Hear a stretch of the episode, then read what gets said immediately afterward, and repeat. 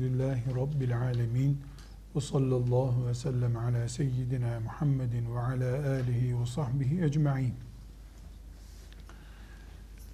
Allah'ın indirdiği kitabı Kur'an-ı Kerim Resulullah sallallahu aleyhi ve sellem Efendimizin 23 yıla yayılan uygulamaları, sünnet adını verdiğimiz, hadisi şerif olarak bildiğimiz cümleleriyle, yorumlarıyla bizim açımızdan daha kolay anlaşılır bir kitap durumundadır. Sünneti çektiğimiz zaman yani Resulullah sallallahu aleyhi ve sellem Efendimizin hadisi şeriflerini veya sünnet diye adını e, blok olarak kullandığımız mirasını yok saydığımız zaman Müslümanlar olarak biz aslında Kur'an'ı daha zor, belki de neredeyse mümkün değil denecek kadar kullanabileceğimiz için e, kendi başımıza dert açmış oluruz.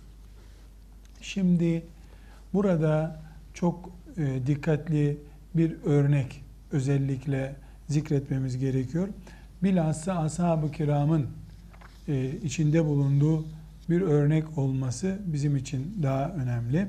Kur'an-ı Kerim'de En'am suresinin 82. ayeti var. E, bu ayet indiğinde e, ashab-ı kiramın karşılaştığı bir sorun var. Bu sorunu biz bugün Bukhari, Müslim ve diğer hadis kitaplarında görüyoruz. E, bugün biz hadis-i şerifler olmasa, sünnet olmasa ne kadar Kur'an anlayabilirdik? Bunun çarpıcı bir örneğidir. En'am suresinin 82. ayeti ashab-ı kiramın e, dinlediği, onların yanı başında inen bir ayettir. Burada hepimizin bilmesi gereken bir husus var. Ashab-ı kiram Kureyş Araplarının yoğunluğunu oluşturduğu bir nesildir. E, binaenaleyh bizim gibi Arapçayı e, filan kitaptan filan hocadan öğrenmiş insanlar değiller bunlar. Ashab-ı kiram zaten Kur'an onların lisanı ile inmiş. Hatta onların lisanına e, mucize gücüyle üstünlük sağlamış bir kitaptır Kur'an-ı Kerim. E, dolayısıyla biraz sonra okuyacağımız ayet-i celileyi ashab-ı kiram işte Arapçaları iyi olmadığı için anlayamadılar diyecek halimiz yok herhalde. Ashab-ı kiram Allah onlardan razı olsun. Kur'an-ı Kerim'in her ayetini, her suresini herhangi bir Müslümandan, bütün çağlardaki Müslümanlardan çok daha iyi anladılar. Buna rağmen, buna rağmen Arap olmalarına, Kureyş'ten olmalarına rağmen ashab-ı kiram bu anlamada bir takım sıkıntılar yaşadıkları olmuştur. Şimdi e, Kureyş ashabına yani Kureyş'in e, ağırlığını oluşturduğu yani en orijinal, en Kur'an'ın indiği lehçe olan Arapçayı e, oluşturan Kureyş Arapçasını bilen bir neslin karşılaştığı soruna dikkat edelim.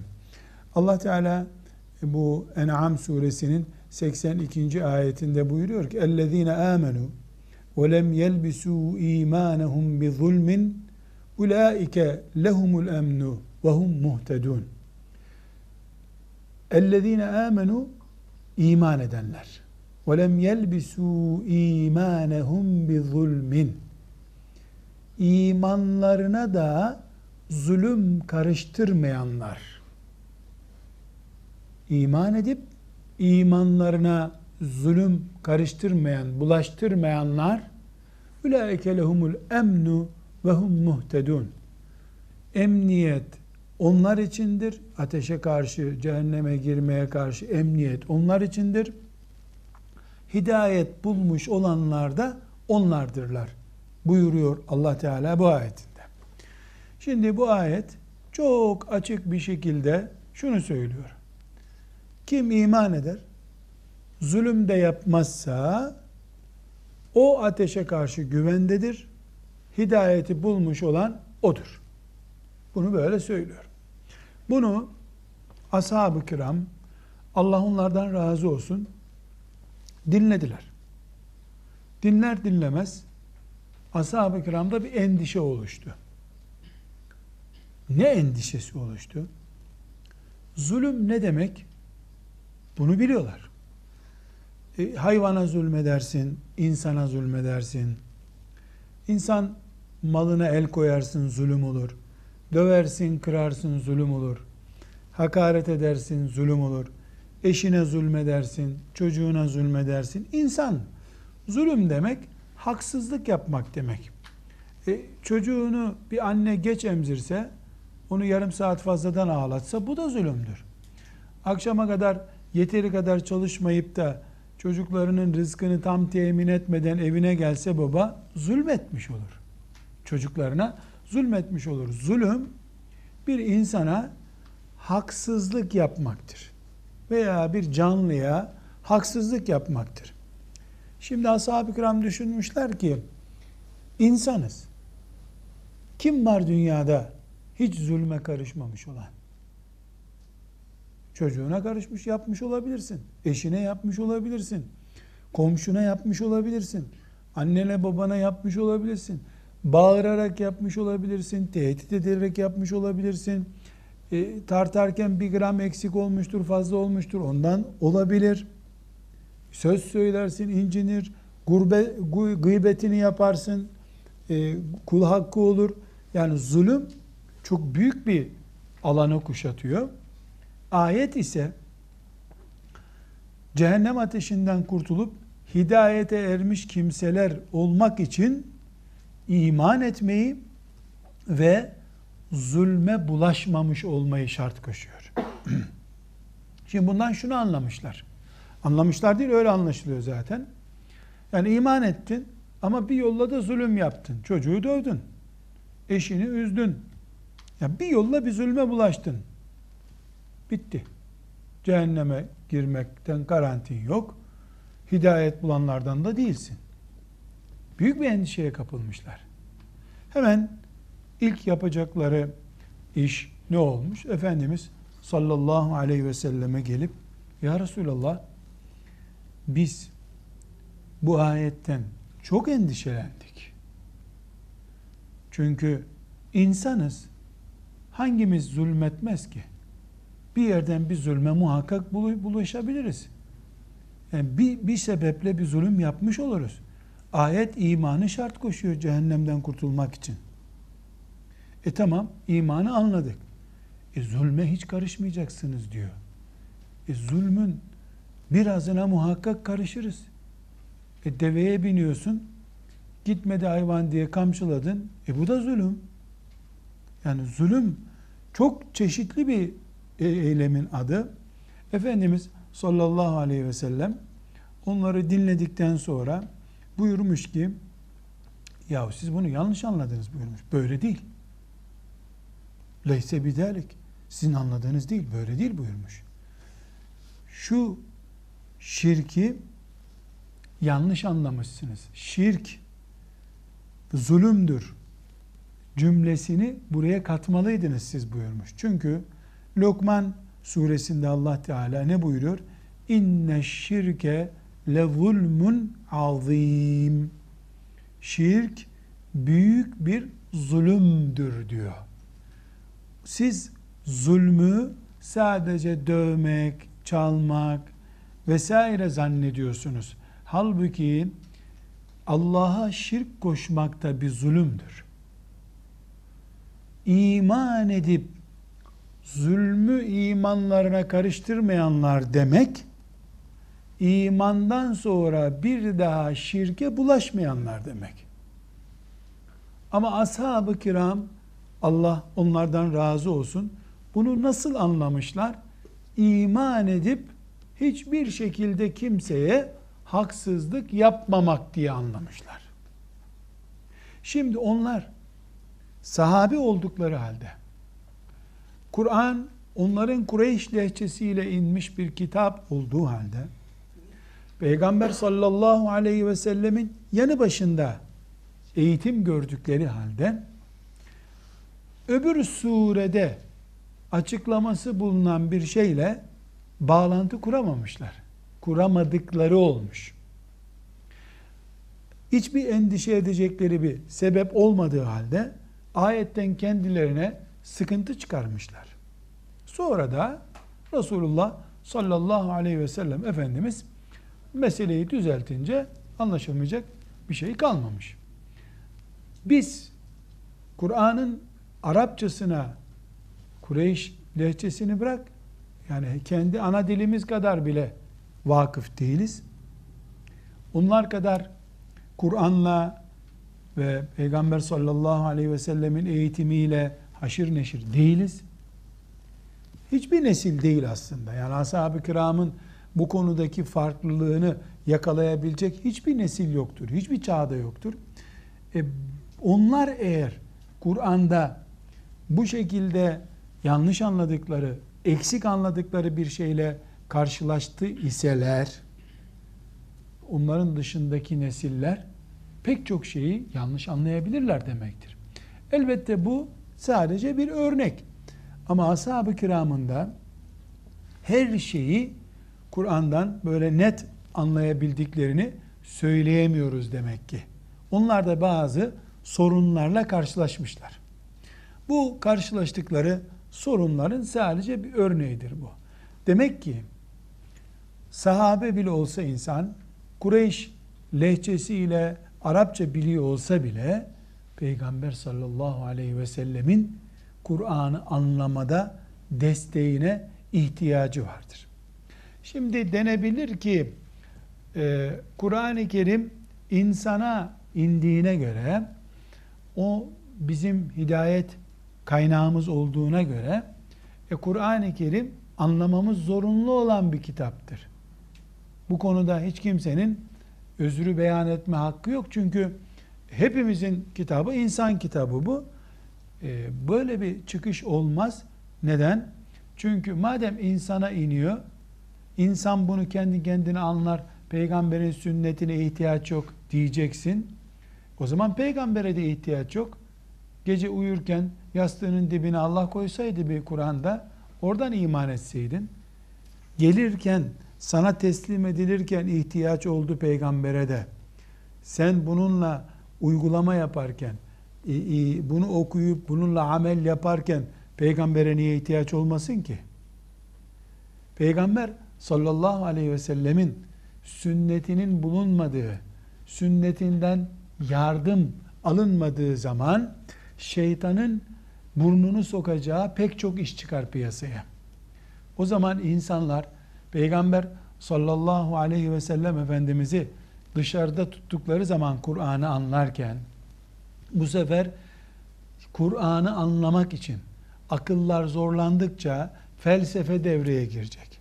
Felsefe devreye girdi mi de bana göre, bize göre demeye başlayacak insanlar ki bu ümmeti Muhammed'in içine düşeceği bir bataklık olur o zaman. İsteyen isteyeni öldürür, öldürürken de Kur'an'a göre öldürdüm der. İsteyen isteni sürgüne götürür, Kur'an'a göre yaptım der. Kendi kendine göre herkes yorum yapabilir. Ama Resulullah sallallahu aleyhi ve sellem Efendimiz neyin nasıl anlaşılması gerektiğini göstererek gittiği için biz de müminler olarak ona sahip olduğumuzda Allah'ın izniyle biz e, hidayet kaynağımız olan Kur'an-ı Kerim'den tam anlamıyla istifade etmiş oluruz. Burada e, konumuzu birinci dereceden ilgilendirmeyen ama e, neden Resulullah sallallahu aleyhi ve sellemin sünnetinin dışlandığı bir Kur'an isteniyor? Bunu anlamamız gerekiyor. Şimdi bir e, ev düşünelim. Bahçeli bir ev düşünelim. Bu evin bir odasındaki e, bir değere, mücevhere ulaşmak istiyoruz. Şimdi evin etrafında bir bahçe duvarı var. Önce bahçe duvarını atlaman lazım. Ya da bahçe kapısını açıp girmen lazım. Bu birinci engel. Sonra evin dış kapısı var. O dış kapıyı açman lazım. Sonra daire kapısı var. Üçüncü engel daire kapısını açman lazım. Sonra da hangi odadaki eşyayı alacaksan o odanın kapısını açman lazım.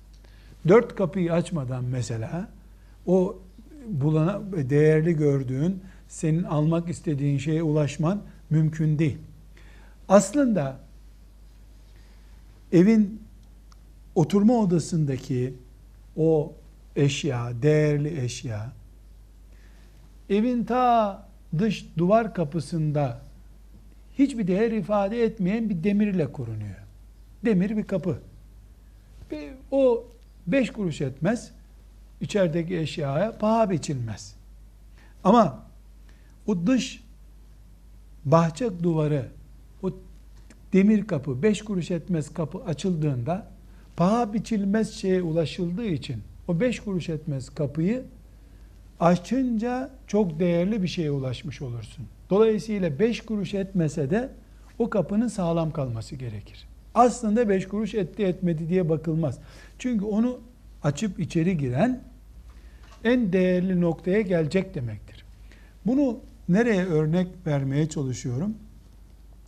Biz asla ve kat'a, asla Resulullah sallallahu aleyhi ve sellem Efendimiz dahil hiçbir insanı Allahu Teala'yı gördüğümüz gibi göremeyiz.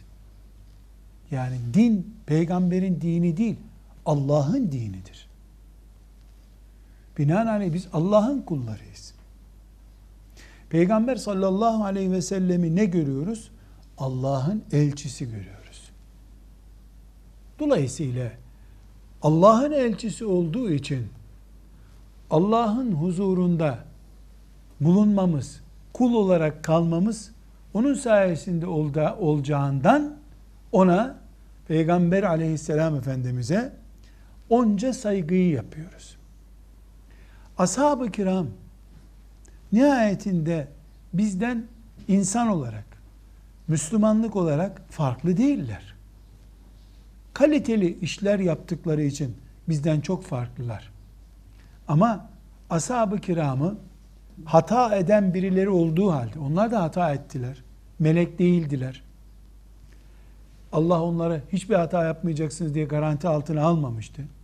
Buna rağmen ashab-ı kiram hatalı kimseler olmalarına rağmen Resulullah sallallahu aleyhi ve sellemin etrafında durdukları için onları da irdelememek istiyoruz.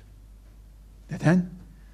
Dağıttın mı ashab-ı kiramı, bahçe duvarını dağıtmış oluyorsun. Peygamberi aleyhisselama sıra geliyor.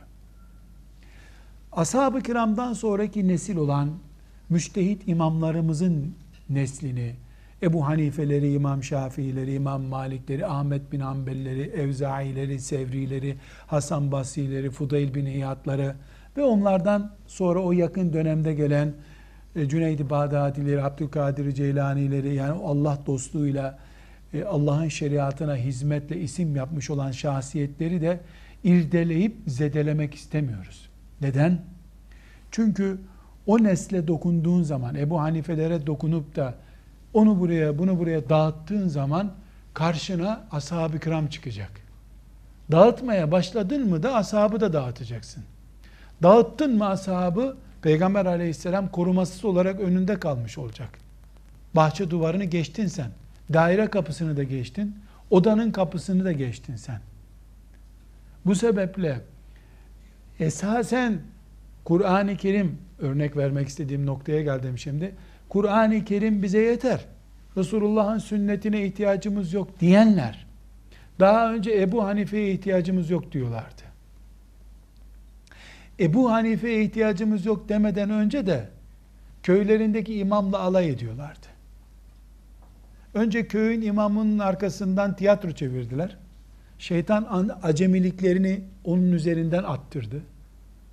Kur'an okunurken istihza ettiler, alay ettiler. Oruçla alay ettiler, haçla alay ettiler. Bu sefer Ebu Hanifeleri bir çırpıda atacak kadar basit gördüler. Ebu Hanife'yi atınca karşılarına ashab-ı kiram çıktı.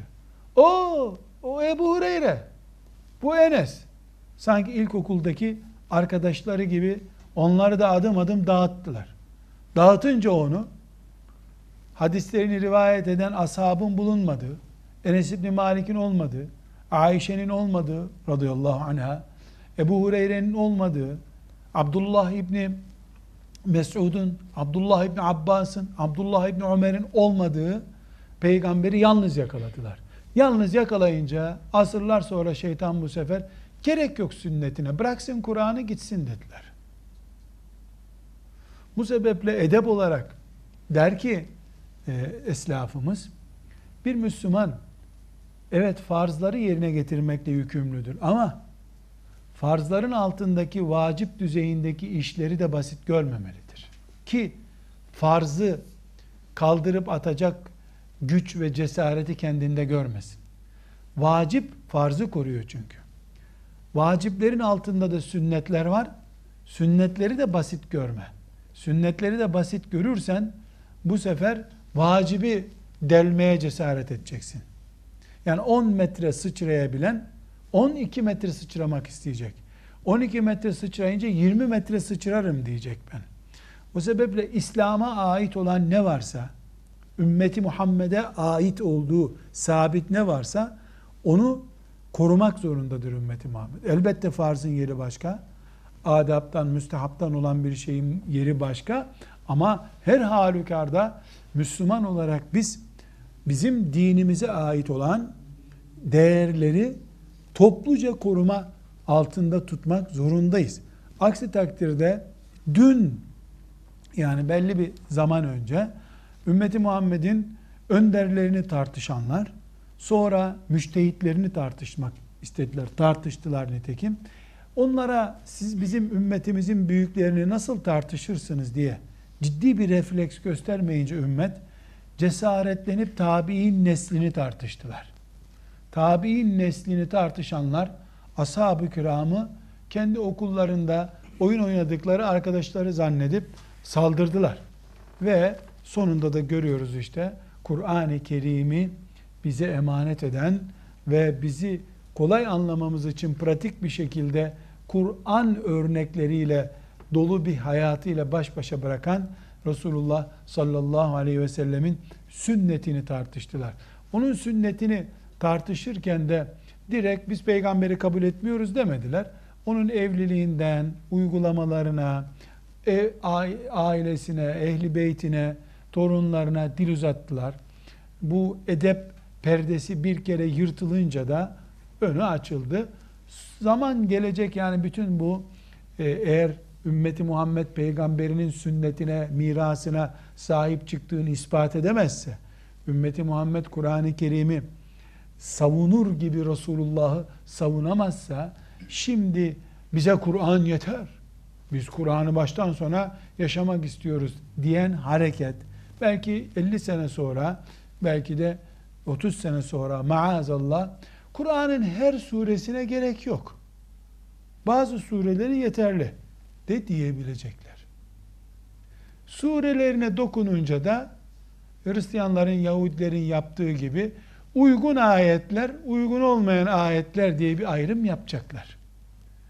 Ama bunu Allah müsaade edecek mi, etmeyecek mi? O ayrı bir konu.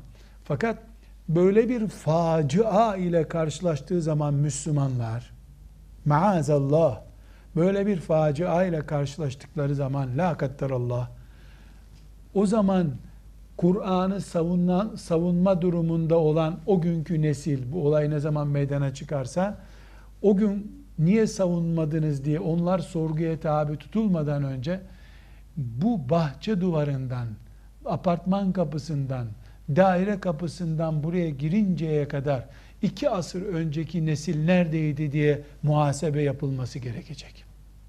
Ebu Hanife normal bir gazeteci gibi, normal bir köy ağası gibi ulu orta tartışılıp sanki böyle ümmeti Muhammed'in bir adamı değil de e işte bir şey din dersi öğretmeni bir okulda, sınıf öğretmeni gibi algılandığı zaman, ileri geri konuşulduğu zaman İmam Şafii hakkında ulu orta konuşulduğu zaman ses çıkarmayanlar iki asır sonra başını gösteren yılan sünneti ihmal ettiği zaman asıl suçu taşıyan kimse olarak gözümüzde görülüyor bizim. Önce o e, gelişmeye, yılanın kuyruğuna izin verilmeliydi, verilmemeliydi. Yılanın bir kere kuyruğunu rahat e, gördüğünde ses çıkarmayanlar kendisini yılanın upuzun görünce elbette ses çıkaramayacaklardır. Buradan e, şu noktaya ulaşmak istiyoruz. Allah'ın gönderdiği kitabın yaşanması gerekiyor. Yaşanması için bu kitap ya hiçbir örneği olmadan işte Kur'an mı Kur'an kim ne yaşayabilirse diyeceğiz ki olmaz böyle bir şey. Ya da bunu her hareketi bizim için bağlayıcı olan sevgili peygamberimizin yaşadığı örnekler üzerinden biz de yaşayacağız. Mesela en doğal örneği Kur'an-ı Kerim Müddessir suresinde hatta diğer surelerinde gece ibadetini emrediyor. Kalk gece diyor. Kalk gece diyor. Şimdi yatsı namazını sözü ediyorsa yatsı namazı gece kılınmıyor. Gecenin başında kılınıyor. Sabah namazı desen e sabah namazı da değil çünkü ayet çok açık bir şekilde gecenin yarısında kalk diyor. Ya da yarıdan biraz önce biraz sonra kalk diyor. E şimdi bir Müslüman olarak ya boş ver bu ayeti diyemeyeceğiz biz. Boş ver olur mu? Ayete boş ver denir mi? E peki Allah'ın emri bu. Kumil leyle illa kalile nisfehu evin kusminu kalila ev zid aleyhi e kalk kalk diyor gecenin yarısında kalkacaksın diyor kalk ve gece Kur'an oku diyor e şimdi dipnotu da yok Kur'an-ı Kerim'in dipnotunda da işte 12 yaşından itibaren kalkacaksın 4 sene kalkacaksın fişleri dolduracaksın böyle bir dipnot da yok sadece Müddessir suresi başlarken kalk, gece kalk diyor. Ya biz toplanacağız, Allah'ın bu emrini bundan sonra şöyle yapalım diyeceğiz. Yahudiler öyle yaptılar zaten. Tevrat'ın ayetlerini şekillendirdiler. Bu bu demek olsun dediler. Hristiyanlar da sildi attılar hepten. Hiç yorum bile yaptırmadılar. Ya Müslümanlar da öyle yapacaklar. Ya da bu ayet Resulullah sallallahu aleyhi ve sellem tarafından nasıl uygulandı ona bakacaklar.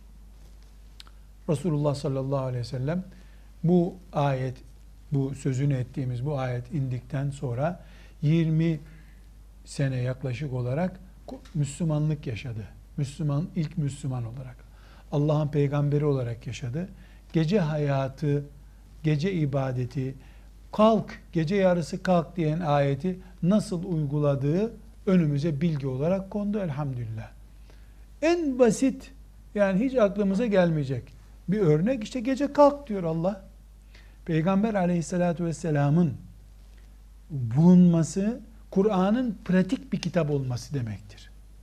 Peygamber aleyhissalatü vesselamın sünnetinin bulunmaması ise Kur'an-ı Kerim'in altından çıkılamaz emirler veren, kulların ne yapacağını bilemeyecekleri bir kitap olması demektir. Elbette şimdi birimiz çıkıp da siz gençler mesela, e canım biliyoruz bunun ne demek olduğunu demeyi verin. Çünkü nereden biliyorsun? Zaten Peygamber aleyhisselamın açıklamalarından biliyorsun. Biz yani kabul et ki bu açıklamalar bize hiç ulaşmamıştı. Ne yapacaktık? Ulaştıktan sonra kullanıp kullanıp da bunların zamanı geçti diye e, hadisi şerifleri, sünneti seniyeyi bir kenara atacak halimiz de yoktur.